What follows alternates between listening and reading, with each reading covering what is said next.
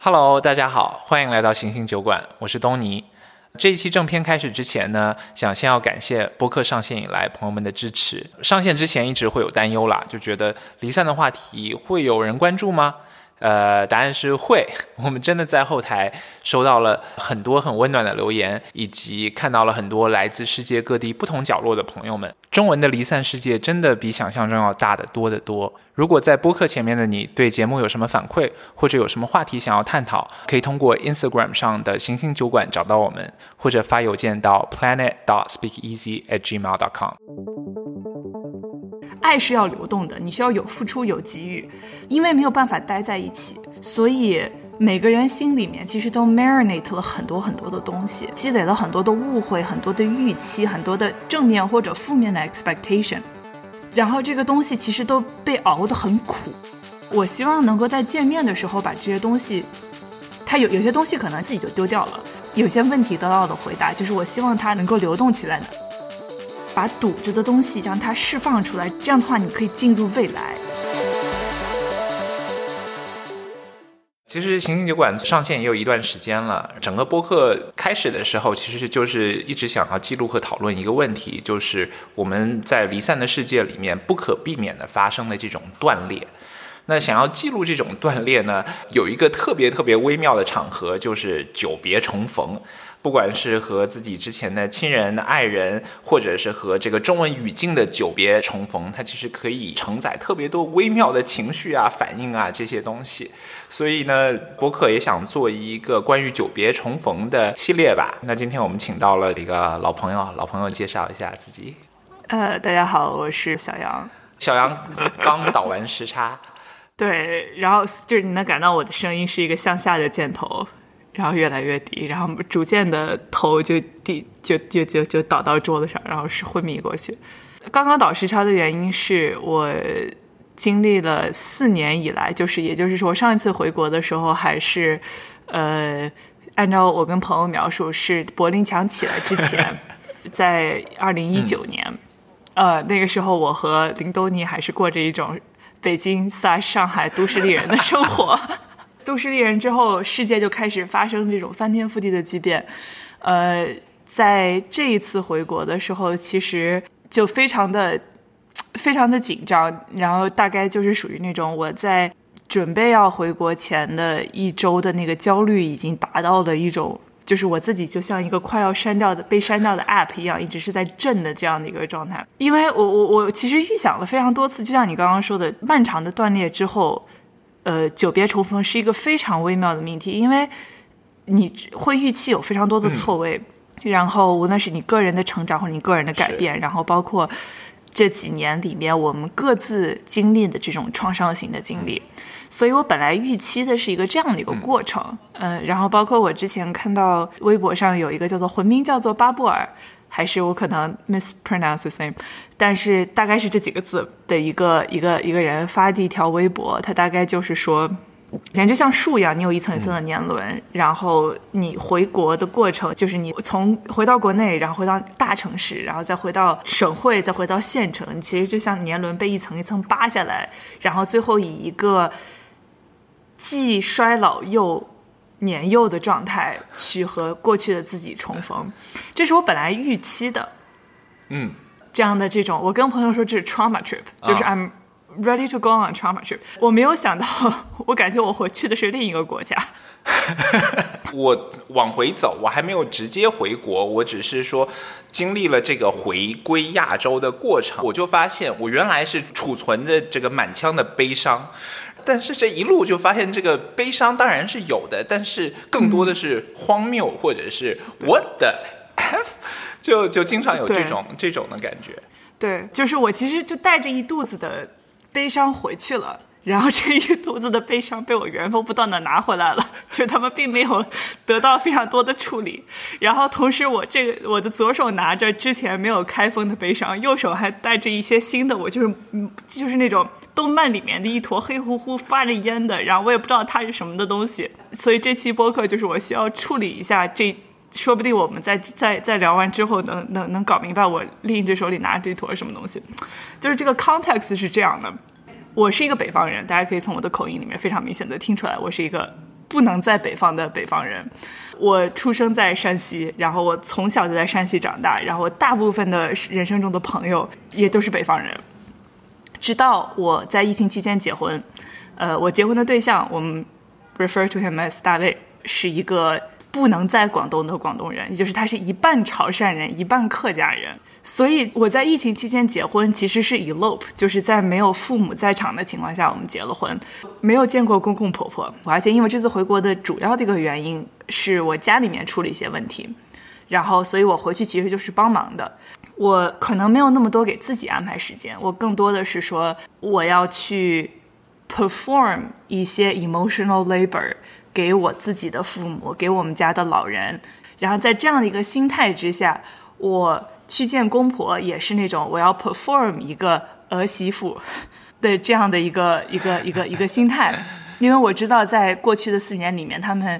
其实就是我们在这边隔离，对他们来说也是非常 stressful，然后同时甚至是也积累了非常多的思念或者创伤这样一个状态，就是。我希望是能够让他们开心，甚至是在一定程度上能够弥合一些他们的创伤，能够给他们的一些问题一些答案。就是我的儿子过得怎么样？我的儿媳妇是什么样的一个人呢？这些问题我都希望能够能能够给他们一个 close，就是带着一种爆笑爆笑家家人的，也不太是爆笑，就是我我我我觉得很多，因为你有这个物理的阻隔，嗯，所以就是在我的。观念里，爱是要流动的，你是要有付出有给予，嗯，对吧？那因为没有办法待在一起，是，所以每个人心里面其实都 marinate 了很多很多的东西，对。然后这个东西其实都被熬得很苦，是，是。然后，然后甚至是熬积累了很多的误会，很多的预期，很多的正面或者负面的 expectation。是。那我希望能够在见面的时候把这些东西。他有有些东西可能就不用 close，自己就丢掉了。对。然后有些东西可能就是有些问题得到的回答，就是我希望他能够能够流动起来，还一些疫情里面欠着的东西。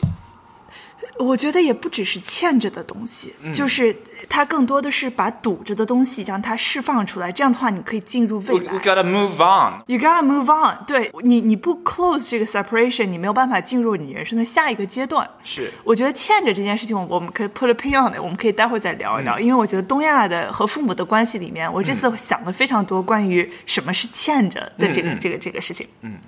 但是待会儿再说。所以我这次回国是。就先从香港，然后落地香港，就去了深圳，然后就去了我婆婆的老家，就是广东的乡下。我完了之后，我就不断的在这个过程中给东尼发短信。我当时发了一条，我记得我跟你说，我说秦始皇当时统一六国，让大家成为同一个国家，实在是太勉强了，这根本不是一个国家。我不知道你经历了什么文化冲击，但是我可以感到它的余震。我很难想象，因为大卫他是有多广东呢？他是我们在纽约的 residency 广东人，就是大家去吃个什么广东菜什么的，要把大卫搬出来点菜。然后呢，大卫每次呢都是可以和呃在场的服务生点出一些。神奇的菜来，不在菜单上的菜，或者是说，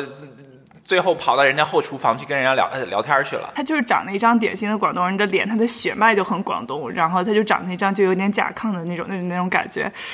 然后，所以每次我们出去吃饭的时候，东尼知道这件事情，就是他总是所有人都会把菜，只要是粤菜馆，大家都会把菜单递到他面前。然后有的时候甚至厨子会出来跟他聊两句天，因为就预期他是老乡，就这样的一个人啊。然后同时我呢又是一个就是。在贾樟柯的电影里面感受得到家的这样的一个一个山西人，我我我我我首先先落地，刚落地在深圳，我就已经感受到了巨大的震撼。就是我先首先深圳很热，然后我就去了他们家之后，呃，我婆婆说：“哎呀，我终于接到我的儿子和我的儿媳妇。”然后就是快快快吃饭吃饭吃饭，这是我这辈子吃过最丰盛的早饭，就是它一共有三个 liquid。呃，第一个是一个燕窝，第二个是一个呃一个一个一个小米粥里面，但是小米粥山西人然后在 I know this，然后但里面发现它里面泡着那个辽参，然后第三个是一个鸡汤，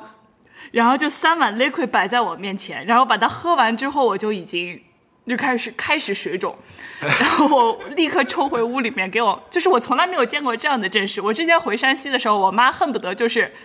你就是厨房里面有小米，你自己熬粥去吧。就是他们从来不会有这样的这种 overwhelming 的爱的表达。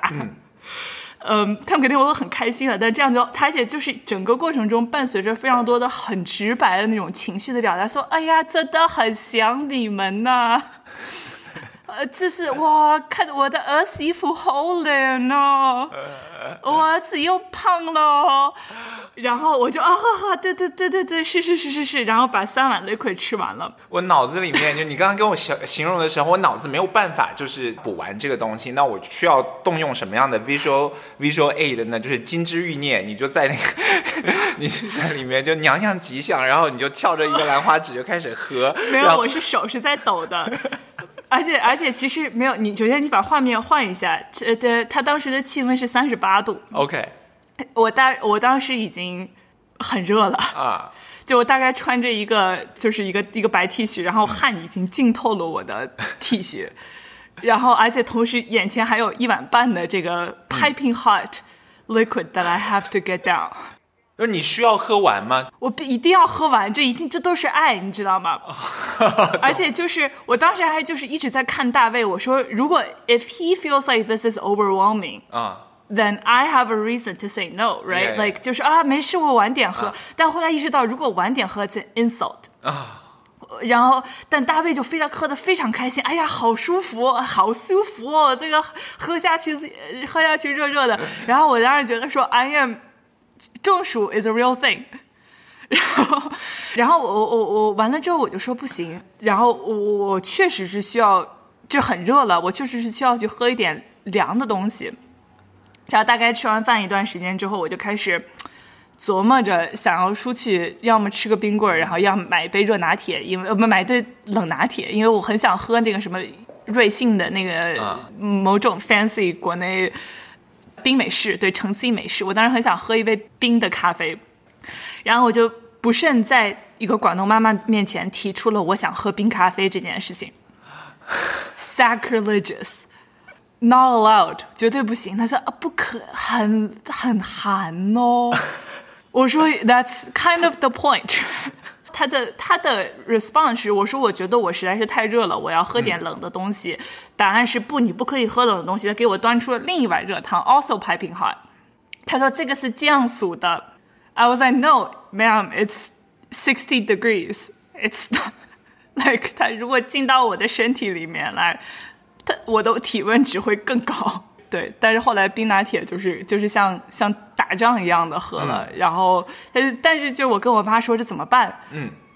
呃，然后我妈就说就是 cosplay，你就你就体验卡，嗯，一个一个当做去了一个不同的国家。我说感受到了，我说但是我很想喝一个冰拿铁。他说你跟他说你们家从小就喝冰拿铁，你妈妈也喝冰拿铁。然后我大概是在在他就是那种心痛和不理解。但又原谅的这种眼神中，喝到了，喝到了，喝到了冰塔甜。但是如果你说你说凉茶，它会不会？我觉得凉茶，I probably wouldn't be able to make it。就是我吃的，我喝到过凉茶那个东西，我我我，而且凉茶它不是凉的。对。它有的时候也是 piping hot 的，对，它可能那个那碗六十度的，就是就是一碗凉茶，它有可能是一碗凉茶，它只是里面加了一些有凉性的东西。这是第一个文化冲击，我而且我甚至都没有办法就是描述这个文化冲击是什么，就是是是是对于科学的不信任吗？然后就然后还是我觉得就立刻让我感觉到我进入了一个完全不同的语境，嗯。整个话语体系是不一样的，你这个凉和热就是凉和热，人家是有不同的意思在那在那。对对对，就是比如说我我我对这个这个这个这一碗东西虽然 piping hot，但它其实是凉的，就是这件事情已经完全，这就像其实像进入一个 cult 一样，它就让你开始悬置你之前对于你你世界的这个这个这个认知了。嗯嗯，我我觉得有非常非常多的这种。这种习俗吧，我还我记得我还给你发了一条，说我发现了一个问题，就是广东人在他自己心里面有一个需求的时候，嗯，他立刻会 make up 习俗，嗯，to justify 这个需求。就比如说，呃，就举个，就是这个不是 actually happen，但是举个例子，比如说，呃，如果你你现在说我我们这个播客录了半个小时就结束了，然后你希望这个播客久一点 Yeah，，you being you，you will be like 这个播客呀，我们可以录久一点。嗯嗯嗯，呃，广东 person would say，第一次上播客，按照规矩，还是要按照习俗，还是要录一个半小时的，因为然后就有一个押韵的一个词来、来来来什么你你呃什么录节目录一个小时，你的人生就会很顺。这样的这样这样的一个说法来来来来来描述，哎，这个我们博客真的有这样的一个习俗，就是你来了一次之后，你一定要来第二次，就没有只来一次的。所以说接下来 好事成双，对吧？哎，是啊，是啊，是啊。对对，一上节目要上两次才可以好，对，找到规律了。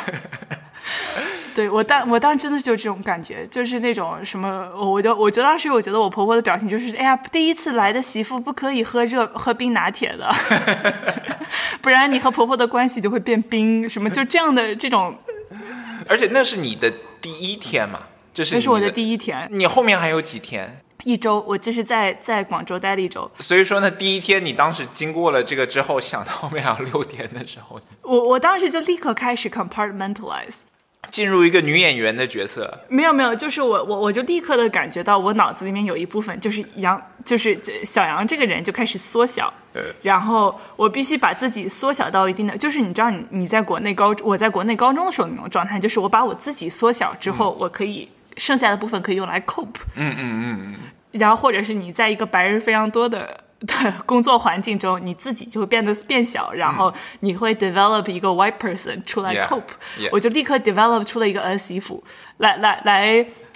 来 handle 这件事情。对，哇，真的是这真的还挺还挺震惊的。你说到这个东西，我想问你一下，在疫情的时候，全程当然视频电话啊，平时的沟通也没有怎么断，但是你可以很明显的感觉到大家的心理距离增加了，误解增加了。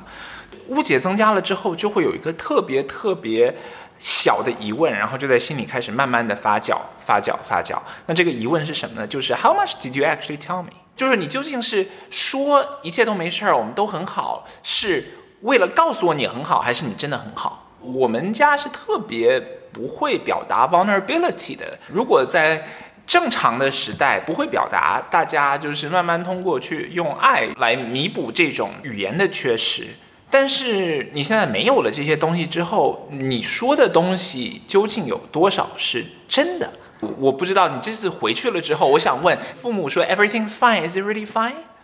It's not。嗯，我觉得疫情这四年，我们的父母其实，尤其是我孩子在海外的这一批人，你问他们，他们都 everything is fine。呃，当然我婆婆不是，我婆婆是一个表达情绪非常非常能擅长表达情绪的人，包括表达焦虑情绪。但是在一定程度上是一件好事，因为她表达出来，我们就可以去安抚她，嗯，嗯对吧？嗯对，但是像我爸妈是那种不太能表达情绪的，他只能就是我我这次回就是直到直到我看到 they start crumbling at the seams 的时候，我才意识到 something is actually not right，然后我得赶紧回去。但是我我觉得与就是我怎么讲呢？我们上一代人其实都有非常多的嗯没有被诊断的这种这种心理健康的问题，就是嗯这种创伤、这种这种这这些情况。小团圆的、的这种最大的一个意义，其实是在于你有的时候真的是日常的陪伴和日常的相处，嗯嗯嗯，你才能感知到很多东西，而且这种感知是，对这种感知是是你视频电话完全感觉不到的。对，就是比如说妈妈们对于孩子在海外这件事情，疫情几年有多焦虑这件事情，嗯嗯嗯，我我我每次都会说，哎呀，没有关系啦，国内的这些新闻搞得太夸张了，嗯嗯，然后你们不要去看，就是你们不要太太过影响，我们日子过得很好。嗯然后这次回去是听我妈妈也好，我婆婆也好，然后或者是其他的这些这或者我朋友的妈妈，她之间他们交流他们身边的朋友的 anecdote，我才意识到哦，其实不能这么简单的归纳于呃。就是他们的，就是这这个这个国内的媒体环境，嗯，就比如说他们就会讲一些故事，就有一些孩子在国外，比如因为脑膜炎去世，嗯嗯嗯然后或者说一个因为没有人照顾，所以脑膜炎去世。嗯，有的孩子在上海封城的时候，一个人在那边待了三个月，然后说：“哎呀，他的妈妈跟我讲这个的时候，那个眼泪掉的呀，那妈妈得多担心啊！”嗯嗯嗯，就是我不是不是怕他没吃没喝，就是怕这个孩子心理上出什么问题，心理压力太大了。我觉得我们当时在疫情期间，因为没有办法回去，其实是咬着牙，嗯，在不去看或者是不去真正的去想这些问题到底对于。我觉得大家都是先想了，先想了一个月，发现撑不住了，最后就不对对对，或者是或者是就是说是我们把它以一个很很简单的，至少我自己是把它以一个很简单的 narrative 说，哦，是国内的这些东西它制造焦虑，你不用担心，我现在过得很好。但是 meanwhile 我自己其实也已经国内的情况，我也焦虑的要命，对吧？是是是是。对对对，所以其实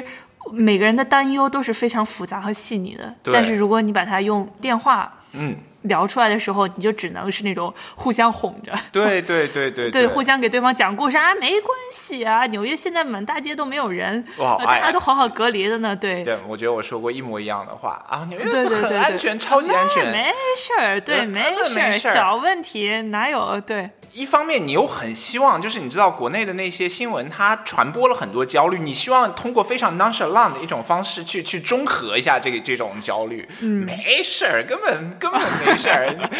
然后就引发了一个北京男人，没关系，啥事儿没有，这小事儿。对，哦，还有一个，我刚才你刚刚说的时候，我就意识到一点，就是我。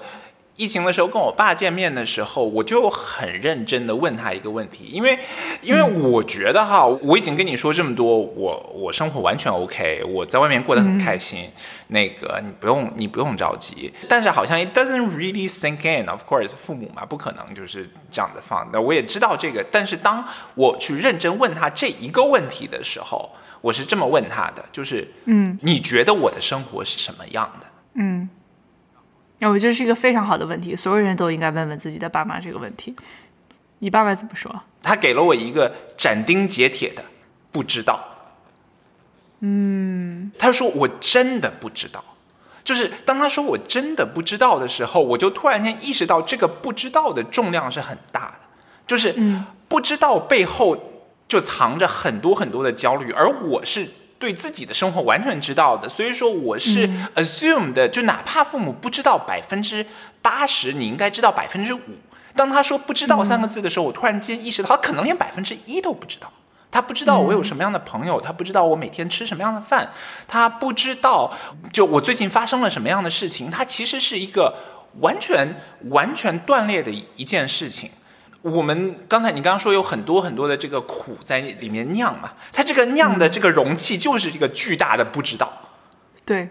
所以就是无论是在清迈陪伴，或者是回国去陪伴，或者是让爸妈来美国来陪伴，其实最大的是给父母一种心理上的安全感。其实就是有时候你在网上看。我小时候特别喜，就是小时候你你会看那种网上和父母发疯啊之类的时候，感觉好像父母都是很不合理、不知礼遇的这样的，就是说东亚父母都有很强的控制欲。嗯，我我觉有的时候我觉得很多控制欲背后真的是一种不安全感。嗯，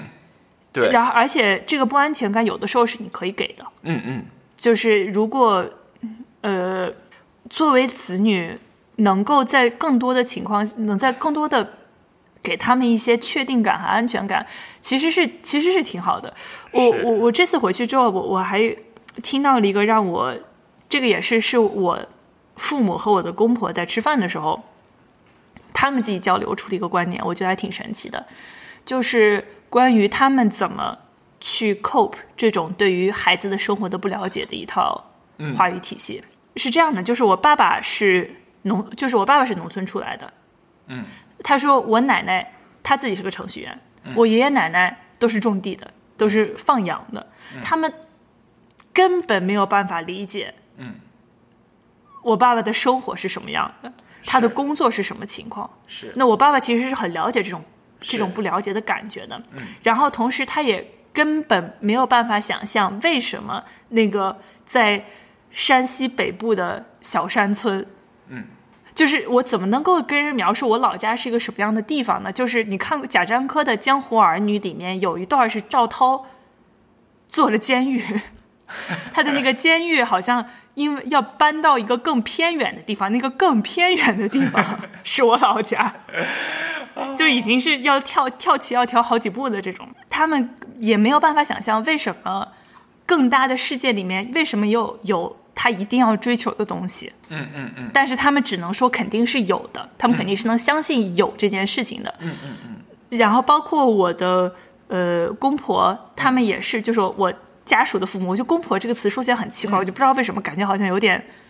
就是这是这可能是你你这个播客成立和之后二十集最 heterosexual 的一个瞬间，呃。 Probably, yeah. This is gonna be a very heterosexual episode. I'm sorry. 嗯，而且，但是我也一下想不到更好的我的 in-laws。 Yeah, yeah. 呃，他们他们是就比如说是打工妹嘛，就是从乡下到深圳去打工，他们其实也非常理解，就是和父母之间，嗯，父母完全不不了解。 这个更大的世界里面有有多少他们想要的东西，这样一种心态，所以他他们其实就像你在画了一条辅助线，是。然后把他们当时这种心态延长到了我们身上，嗯嗯。就说他们一定有他们的道理，他们一定看到了我们现在没有看到的东西。你这么说，其实我觉得这个，嗯，刚才玩笑归玩笑，但其实并不 heterosexual。我觉得它是一个很 common、很普世的一个东西。就是我这次就因为我去年做的一个就是心理上这个 inner work 的一个最大的一个东西，就是我不光跟我父母出柜，我是先跟我整个 extended family 里面的 people I care about 人。大舅先知道我的大我的姨们，我的这些堂表弟表妹们，先跟他们呃，先跟他们出轨，然后呢，通过这个方式来，我自己要练习这件事情，出轨也是需要练习的，然后就就就慢慢的去跟他们聊这些事情。然后聊的时候呢，我就发现有一些东西就是我们我们自己要攻克的一些东西，比如说，呃，就是我自己对我自己的性取向 sexuality 的这个东西。那与此同时呢，他们也有他们的功课要做，就是他们怎么去接受我这个东西。几代的人，大家要处理的问题是不一样的，哪怕他面对的症结是一样的。怎么说呢？就是对我来说，我的修行是怎么接受我是同性恋。那对于我的父母来说，是怎么接怎么样去接受自己的孩子是同性恋？这是一个非常不一样的要去调试的东西。就是你如果把这个命题清晰的，你觉得可以吗？就是把一个命题清晰的 articulate 给他们，说现在其实我需要你来完成这个命题。我我基本上就是一个态度，就是我不能替你做你的作业，因为这个东西我们也没有办法，真的没有办法，因为他们要去处理的是他们自己的家庭观、他们自己的人生观、自己的价值观。我爸当时在出柜了之后，在我跟他出柜了之后，就就说跟我说了一句特别特别那啥的话，我当时听了就就有点想哭。他说：“我尊重你的家庭观。”我们可能平时不会聊很多这些东西，但是只要我们都是善良的人，都愿意去给予付出和接受爱，那就我们就没有什么不一样的地方。就是 我当时就觉得，就就那个时候，我就突然 突然间意识到，就是这一次我和他们见面，我真的是一个成年人在见面了。我可以看到他们并不是我的父母，不是我的亲戚，而是一个更为完整的人。他们有自己的焦虑，他们有自己的困惑，然后我甚至可以通过我自己的一些经历，我可以给他们解决一些困惑。然后我觉得是的，哇哦，I can。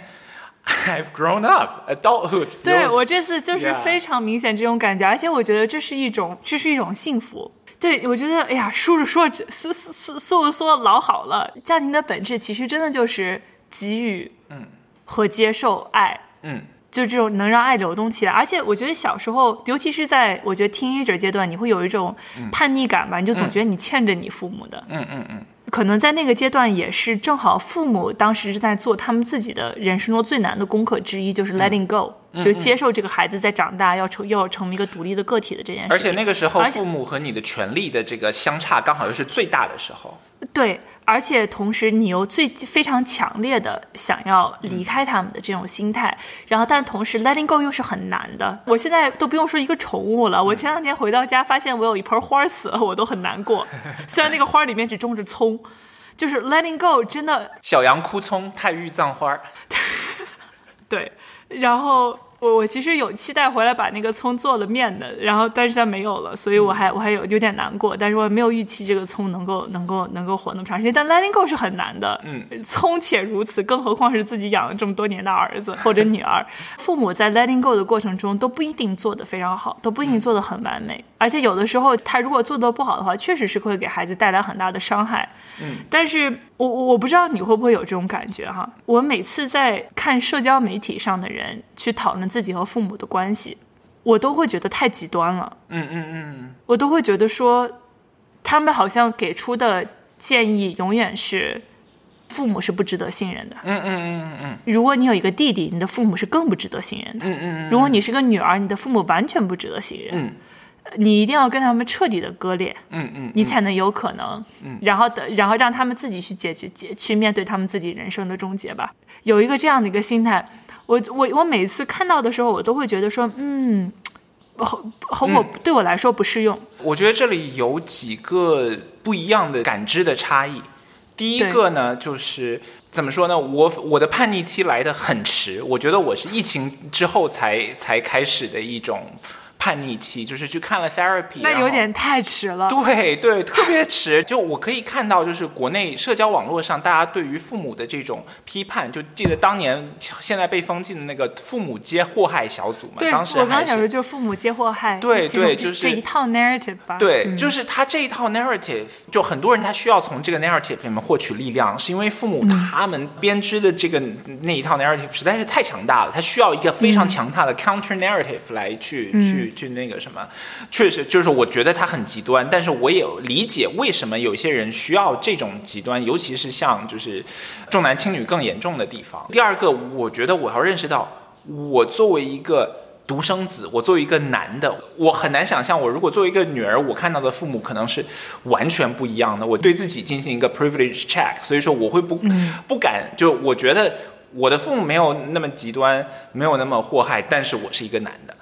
作为一个女性来说，就是你跟你的父母不能说切割，但是就是有一个娜拉出走的这么一个过程。嗯嗯，就是这个娜拉出走的过程里面，其实有一个必要的部分，就是和你的父母也好，甚至是和你之前生你养你的这个这个这个环境有一个物理的距离。你没有这个物理的距离的话，会有很多东西把你吸回去，嗯，让你没有办法获得自我实现，没有办法成为你必要成为的那个人。嗯，但是我我这次回国的时候，我就一直在在想，就是这个 and then what？呀、你娜拉还得回门儿，对吧 Yeah 那娜拉回门儿怎么办？对，你你你成为一个更，就像你刚刚说的，作为一个家庭的本质，爱要付出和给予。嗯，我出走是为了成为一个更好的人。嗯，那我成为了一个更好人了之后，有我该如何去更好的付出爱给我父母他们想要的东西？我的 love language 是什么？所以我这次就要回到刚开始那个心态，就是说我其实这次就想要找到我自己该怎么去表达爱，但我的 love language 在广东这个地方就出现了一些巨大的参差。因为我我很感激我 partner 的父母在疫情期间或者在那之前给他的非常非常多的支持，他们之间有很多的摩擦，我待会儿可以讲。但是呃，我的 role 就是我觉得你们开心，我可以配合，因为我的生活你现在是夺不走的，我们真的会产生冲突或者问题，那是以后的事情。哎，现在的话，我希望你开心。我本着一个这样的态度吧，就说是是我们可以回回趟老家乡下，嗯，然后跟亲戚们吃一个饭。在去之前一周说的是回乡下吃个饭，嗯，我在起飞前的两个小时打来电话说啊，我的儿子和儿媳妇准备去机场喽。带件好看裙子没有？然后我一打开我的行李箱，里面全都是黑黢黢的，嗯，就是 me being a 纽约女的。然后我说没有，然后但是就随便扔了一条旗袍 ish 的一件衣服，就是而且还不是那种非常丝绸的那种旗袍，是一个很加引号新中式的那种旗袍，也就是你在淘宝的主页上会刷到的那种。然后我就感觉到这个这个酒席的大小，嗯是在逐天递进的。我我再插播另一个故事，这不是我一个人发生这样事情。我们啊另外一个朋友，他的 partner 是一个韩国人，然后他打算回他的老家河南，嗯去也是跟亲戚们吃一顿饭。然后他跟妈妈说说妈妈，我去跟在我们回去的时候跟亲戚们一起吃顿饭。妈妈说好。两天之后，妈妈打回来电话说，我跟你说个事儿，你先不要生气。嗯，已经开始生气了。呃，亲戚们商量了一下，说呃，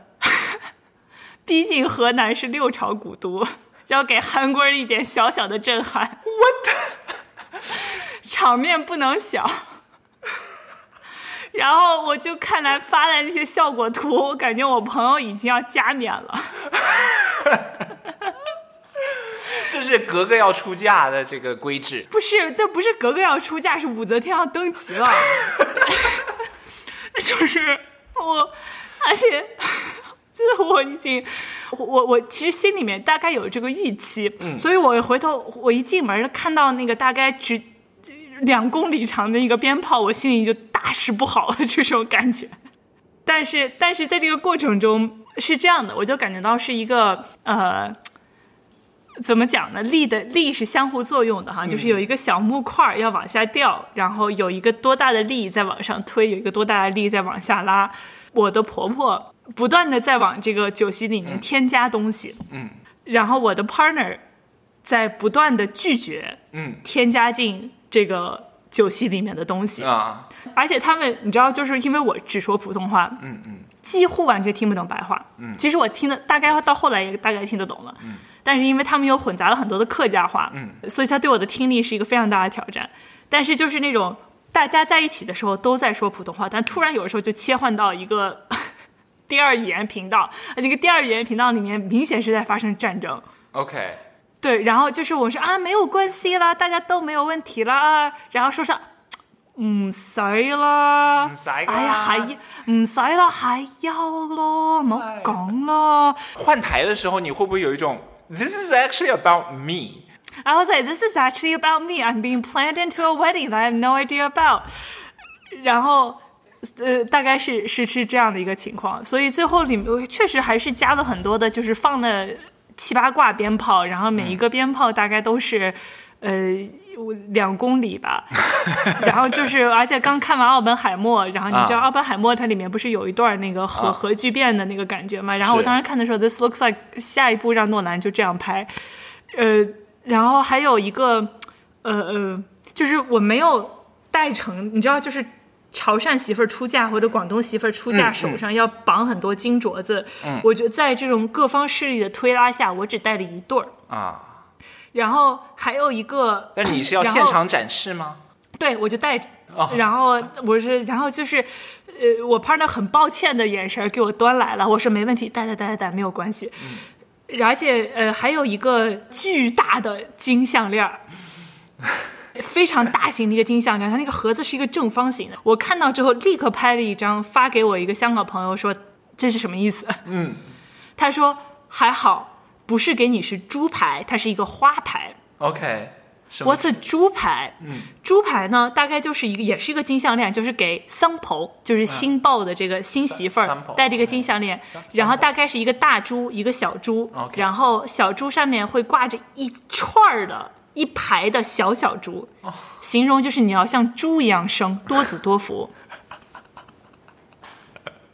他说还好，你婆家给你买的是花牌。花牌也是加引号的开枝散叶，但是也可以被寓意为你事业开枝散叶。耶耶耶耶！就是它没有那么的直白。对，哇，真的，我我我我我我就是能感受到这种各方势力的推拉。然后我我我这次我的心态就是，它是一个在这一个 controlled environment OK 里面。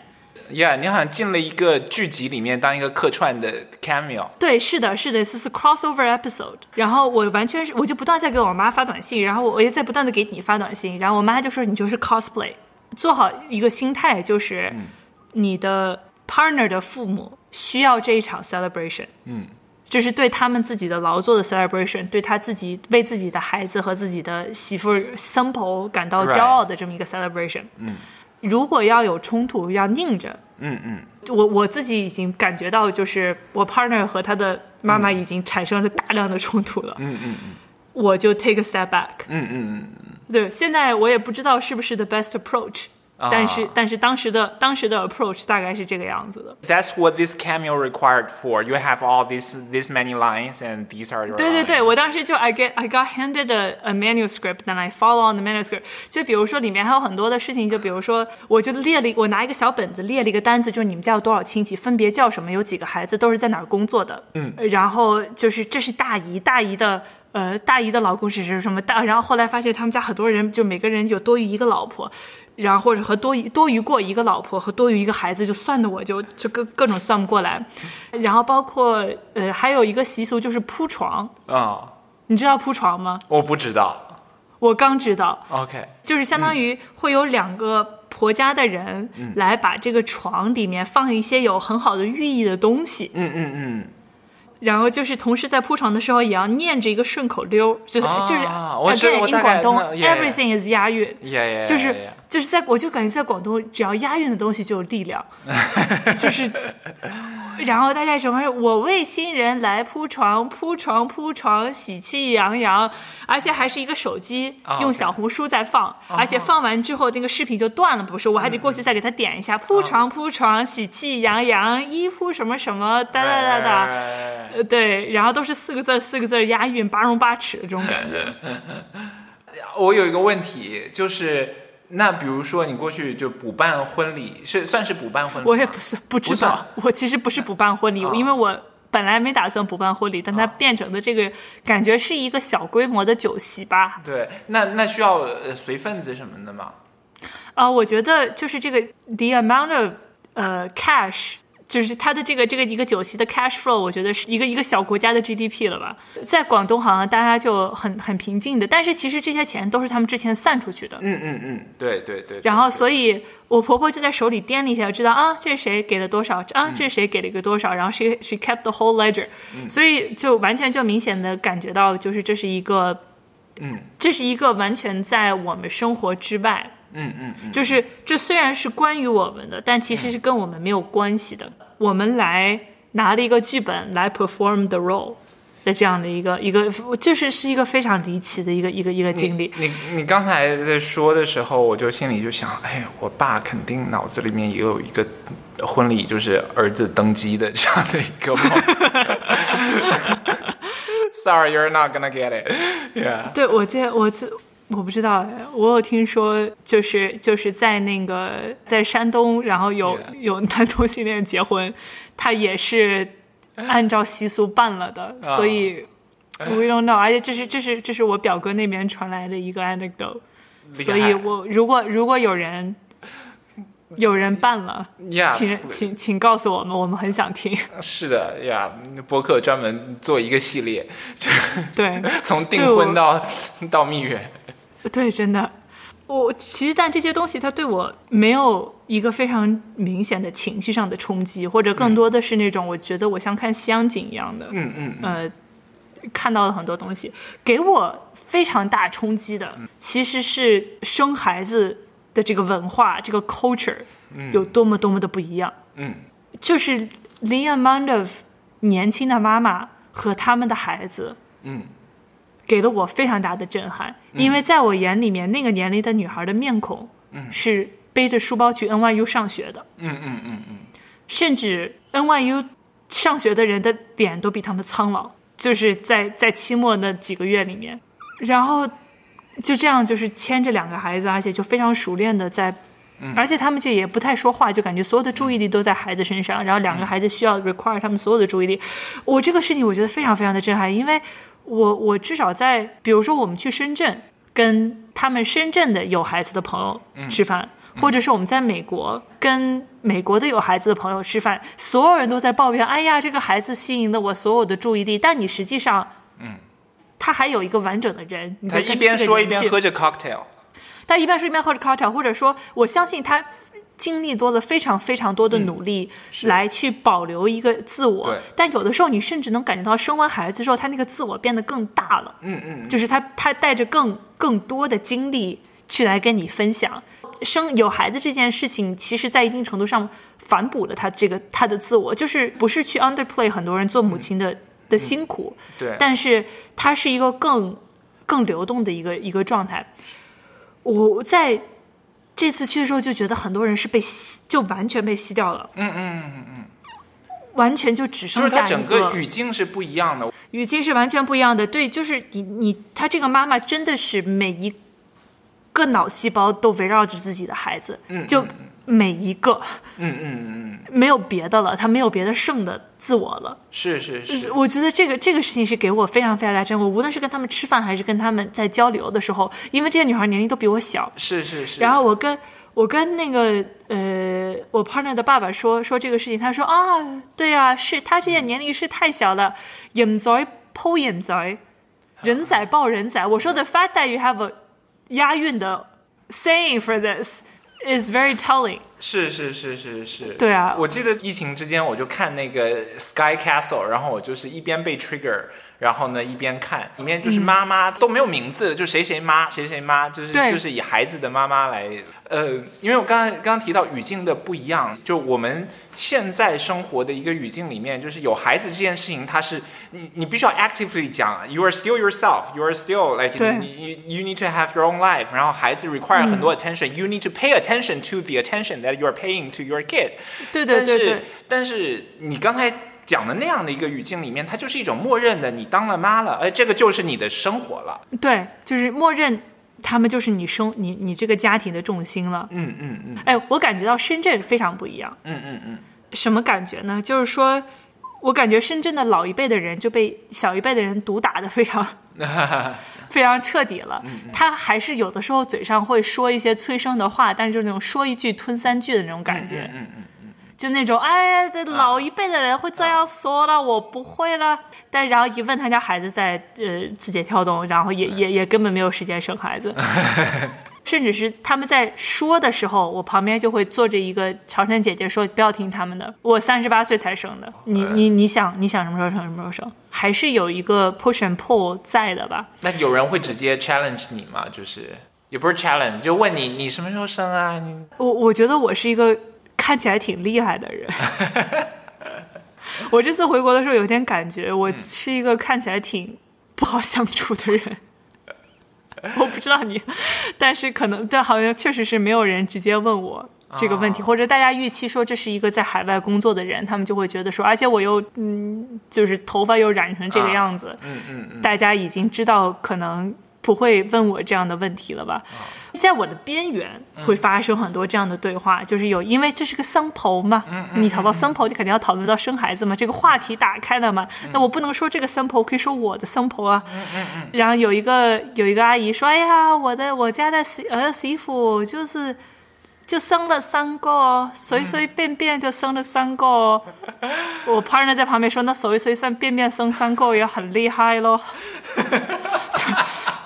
这怎么做到的了？笑死了。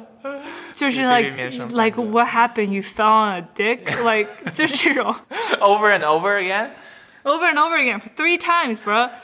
It's a lot. 哎，真的是一种这个语境，我还我真的是不太敢想，有的时候就就又很陌生又很熟悉，然后这种很很微妙的感觉，我我会觉得有的时候是到底是。因为我太久没有回去了，和这个语境有了一种距离，还是说因为有了距离之后，我看得更清楚了，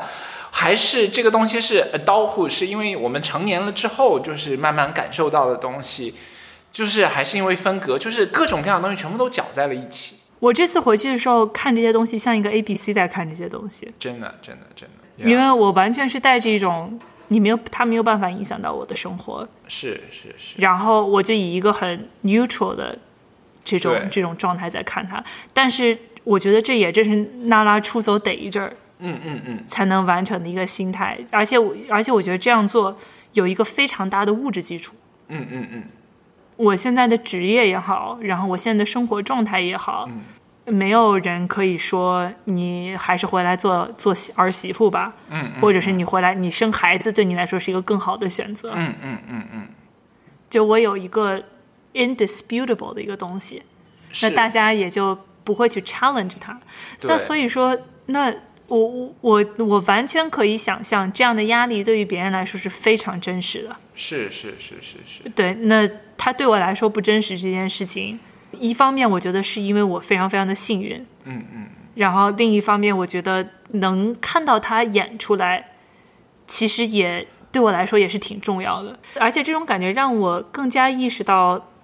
就是在这样的环境里面，你的个人拥有的权利，嗯嗯嗯，其实是很重要的。而且我就好像重新的被提醒了，你拥有的这些东西，在国内来说，在国内这个语境来说，带有的这种嗯嗯嗯。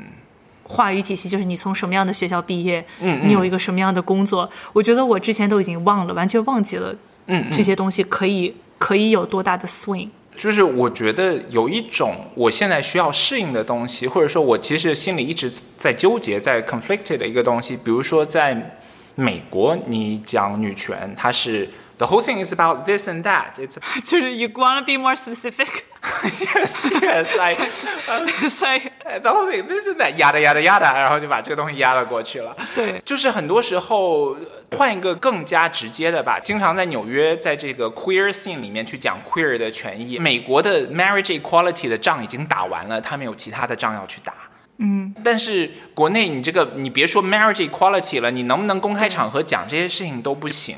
那对这个这个这种断裂，我在两边去看到美国的这些，就是讲真，我其实还更 care about 就是中文语境里面的这些大家的权益是是怎么样的。然后美国美国那边，我就觉得嗯它有很很多的 NGO，有很多的这些很成熟的东西去去支持它，媒体也好，各种各样的东西。有的时候我就觉得讲。呃我也说不是，我这这也说乱了，但是对对，I 我明？白你的这个意思，我完全明白你的这个意思，就是你你你你，我们这么幸运，嗯，我们但又很在乎国内的这种、这这种问题，嗯那我们能做的应该是什么？我觉得我一个怎么讲？你在互联网上非常容易做的一件事情，或者是我们这种长着嘴的人就非常爱干的一件事情，就是教别人干事情。但是我越来越不愿意做这个事情，因为我真的觉得我自己，因为我们之间的语境已经差，已经是。无论是这种物理的距离也好，然后包括加上我自己的幸运的这种这种特权，，我应该是一个聆听者和一个支持者的这一种 role。是那是这两个 role 其实是要难很多的，因为你在聆听一件事情的时候，你没有办法告诉自己全世界你是一个好人，然后对吧？你没有办法就是在 social media 上上表达出你是一个好人这件事情。对。然后第二个是你支持者的话，你你不知道当有贤子这样的一个人在的时候，或者是当有一个 movement 在的时候，你可以去在这个 movement 里面找、一个运动里面去找到自己的位置，去提供自己的力量去支持。但是如果你身边没有这样的事情发生的时候，其实是更需要嗯自己去 actively 寻找到出力的方式。是是是是是。刚才说的这整个的回国的经历哈，以及我们谈的很多东西，我其实有一个东西也是我这段时间一直在想的。我从小受到的教育，就尤其是上了大学之后，一个最基本的就是你去上社会学，你去上上女性主义，去上性别的这个东西，你要学的第一课是什么呢？就是 personal is political。我们的生活中，呃，各种私人的这些生活，它里面是有各种各样的政治的结构，这些东西让我们去做出某种选择，有某一种的观点，然后这些观点里面都有很多的这种权利的这种，呃，construction。但是呢，现在呢，as things become more complicated as life goes on 呢，然后我就发现，我一直忽视的一点就是 personal is also personal。它中间有很多的 muddiness 在那个地方，它并不是就是当我们去用社会学用不同的这种学术的方式把 personal life 解构了之后，personal stop being personal。No，it's still personal。这种张力自己还是要去协调。对，就是国内很流行的一个说法，上野千鹤子的那个一人一杀嘛，就是你自己。对，因为我我对一人一杀的理解就是你自己 live your truth。嗯嗯嗯，那你在 live your truth 的这个过程中，嗯，对周围的人产生的影响，就比如说对于在深圳的时候能感受到的这种广东的嗯。催生文化被硬掰掉的这种，嗯，就是有一堵一一堵铁板在那里的那种感觉，而且这个铁板是很多人，嗯，大家一起共同组成的这样的一个铁板，就是你能感受到这种很明显的文化上的，嗯，就大家的这种推动吧，我觉得其实还是挺好的，嗯。其实说句实话，你在中国你能感到一个抽象的西方，对于流散群体来说，也有一个抽象的中国。嗯你跟这个抽象中国之间到底是什么样的一个关系？嗯嗯，是一个觉得，首先你觉得它既是你的故土，嗯，你又对它有有这种思念感，对吧？嗯嗯嗯然后同时。你又是一个像我们这种娜拉已经出走了不知道多少年的这种娜拉，嗯嗯嗯，无论是呃 he she they 娜拉，大家回到国内的时候，其实因为你有这样的一个相对而言你多年出走达到的安全距离，嗯嗯嗯。你又能够以带这种温情去看嗯嗯嗯，国内的很多的此刻对其他人产生压迫的这种社会节奏，嗯嗯嗯，对吧？嗯然后同时你又会觉得有一定的这种特权，你自己有一定的特权在。我记得你在纽约文化沙龙做那个那一期线下分享的时候，你们当时聊到的就是你们住在，嗯。哦，我尽量尽量简短而有效的把这个事情 summarize 起来，就是你们住在纽约的一个主要以福建人组成的这么一个 working class community 里面，然后同时你们带着非常强的温情去看着这样的一个社群，然后在这个社群里面感受到了非常多的爱，但是呃，在爱和安全感，然后当时一个人举手起来说。你说的这个社群，其实是很多福建来在美国的年轻人疯狂的想要离开的这个社群，对，这是一个围城。是是是是是，我觉得围城之所以是围城，因为它很 rich，就是你在外面的人看里面和里面的人看外面，嗯，他看到的东西是完全不一样的。你总是可以自己做自己的挑选。是是是，我觉得肯定，我听很多人在刚刚的过程中已经就是那种白眼翻到天上去，说是你为什么没有。在在这种广东的这种听起来有点窒息的一个婚礼上，你只是感觉到就啊，OK fine 的这样的一个态度，嗯，我不知道，嗯嗯嗯。但是这个空间是存在的，嗯嗯，这是我们自己的流散身份给我们的一个空间。就像我们刚刚说的，就是父母接后害这件事情，其实流散的身份给你的既是幸运也是不幸，就是他的幸运就是让很多曾经让让人感到窒息的东西，它不再会能影响到你，因为有这样的一个物理的距离，他们管不着我们。你用大的话说，是是。他们管不着我们。对对但另一个 negative 的事情就是他们管不着我们，我们也管不着他们。他们需要的时候我们管不了，我们需要的时候他们也管不了。和国内的朋友聊润的时候，就是很多人没有就是意识到的这这样一件事情，就是润这件事情不并不是说从一个地方逃到了另外一个地方，然后你的你的所有事情都解决了，而是你要从一个生要放弃一种生活，选择接受另外一种生活。这个里面有好的，有坏的，有各种各样复杂的东西。你放下有放下的苦，接着有接着的苦。是这样的，就是我觉得可能对于女性或者是对于酷儿群体来说，就是这个娜拉出走是一是个必须发生的事情，嗯嗯，对吧？你你不发生的话，你没有办法。他的我这次其实回国也也就明显能感觉到那种非常强有力的、呃强有力的这种吸力，是是是是，来让我看到了一个如果我没有离开的话，我大概会是一个什么样的生活，这是我不想要的。嗯嗯嗯，而且就是可能，或者说，如果我没有离得这么远，是它对我来说就是前线了，就是一个我需要去非常非常 actively fight for 的一个地方。但是因为我离得非常远，我当然觉得说 OK cool，是。就是 it's a thing that I notice，就是娜拉出走之后，还要娜拉回乡省亲。娜拉回乡，对娜拉来说更重要的一个命题，嗯，可能是说你去重新选择和重新建立和家人相处的方式，是是是，就是你去重新找到如何 give and 如何 receive，是就如何付出爱，如何接受爱，这件事情是我觉得还是挺重要的。如果其他的娜拉马上就要回家，嗯你有什么建议吗？让大家更好的 mentally prepare 这种的 culture shock 或者 reverse culture shock？呃，我觉得 you can do this。我觉得这么说吧，别的娜拉我不知道，嗯，但对于我来说，当时其实最大的一个心结，就像你一开始说是欠着爸妈的这种心态，嗯，为什么呢？因为 letting go is hard。就你当时离开父母的时候，你能完全能感受到 letting go，嗯，他的女儿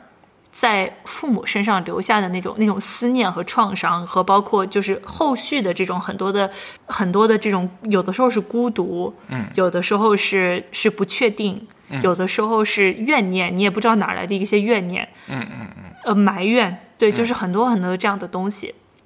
但是 deep down，嗯，他们其实是至少我这次感受到了，他们对我的出走其实是祝福的。嗯嗯嗯嗯，虽然这个祝福肯定是不可能就是百分之百的那种完全美好的一个祝福，像迪士尼的那种电影一样，不是的人都是很复杂的。他们肯定是在这个过程中也表现出了控制欲，或者是他 cope 的不是很好。但是这件事情和他们打心眼里知道 letting go 是正确的事情，letting go 是让你成长的这件事情是不矛盾的。嗯嗯嗯。所以怎么讲呢？所以我因为他们的 let go 而成为了现在的我，成为一个更强大的人。嗯。那么我这次回去，我我可以不在意。我觉得我欠他们一些什么东西的，或者他们欠你什么东西，或者他们欠我什么东西，因为欠是一个很沉重的一个情感，是是，因为你有的时候你感受到这种东西，是因为你已经获得过了爱，嗯嗯嗯嗯，然后同时你的你是为什么会觉得欠？因为你获得了爱，但你没有办法找到爱的表达的方式，嗯嗯嗯嗯嗯，我觉得给父母安全感。嗯，没有我想象的那么难。就你这么一说，我一下子就感受到，就我想起了，就是我这次的一个 epiphany 吧，就是突然间想开了一个事情，就是上一代的父母很多就不知道表达爱的这种 language，不知道 love language 是什么。我原来会有一种埋怨，就是你不知道，你没有，你没有做对，有一些东西就是我想要的，可能我们没有没有沟通到。但是我转让我转过神来的是一个问题，就是你刚刚说 then what。就是他们不知道，但我知道啊！我现在知道，我知道啊，对啊，而且就你可以给你的伴侣、你的朋友安慰、安全感、精神上的支持。你知道怎么用非暴力的方式去表达自己的情绪，那你去用这些东西。是这个很难很难很难，是很难。But again，除了你，没有人可以做得了。就是呀，就是对，而且用在家人身上真的是一件非常。有意义的事情，对，不用在家人身上，难道用在老板身上？用在老板身上吗？对啊，没有，而且有时老板给你的钱还不一定够。Yeah，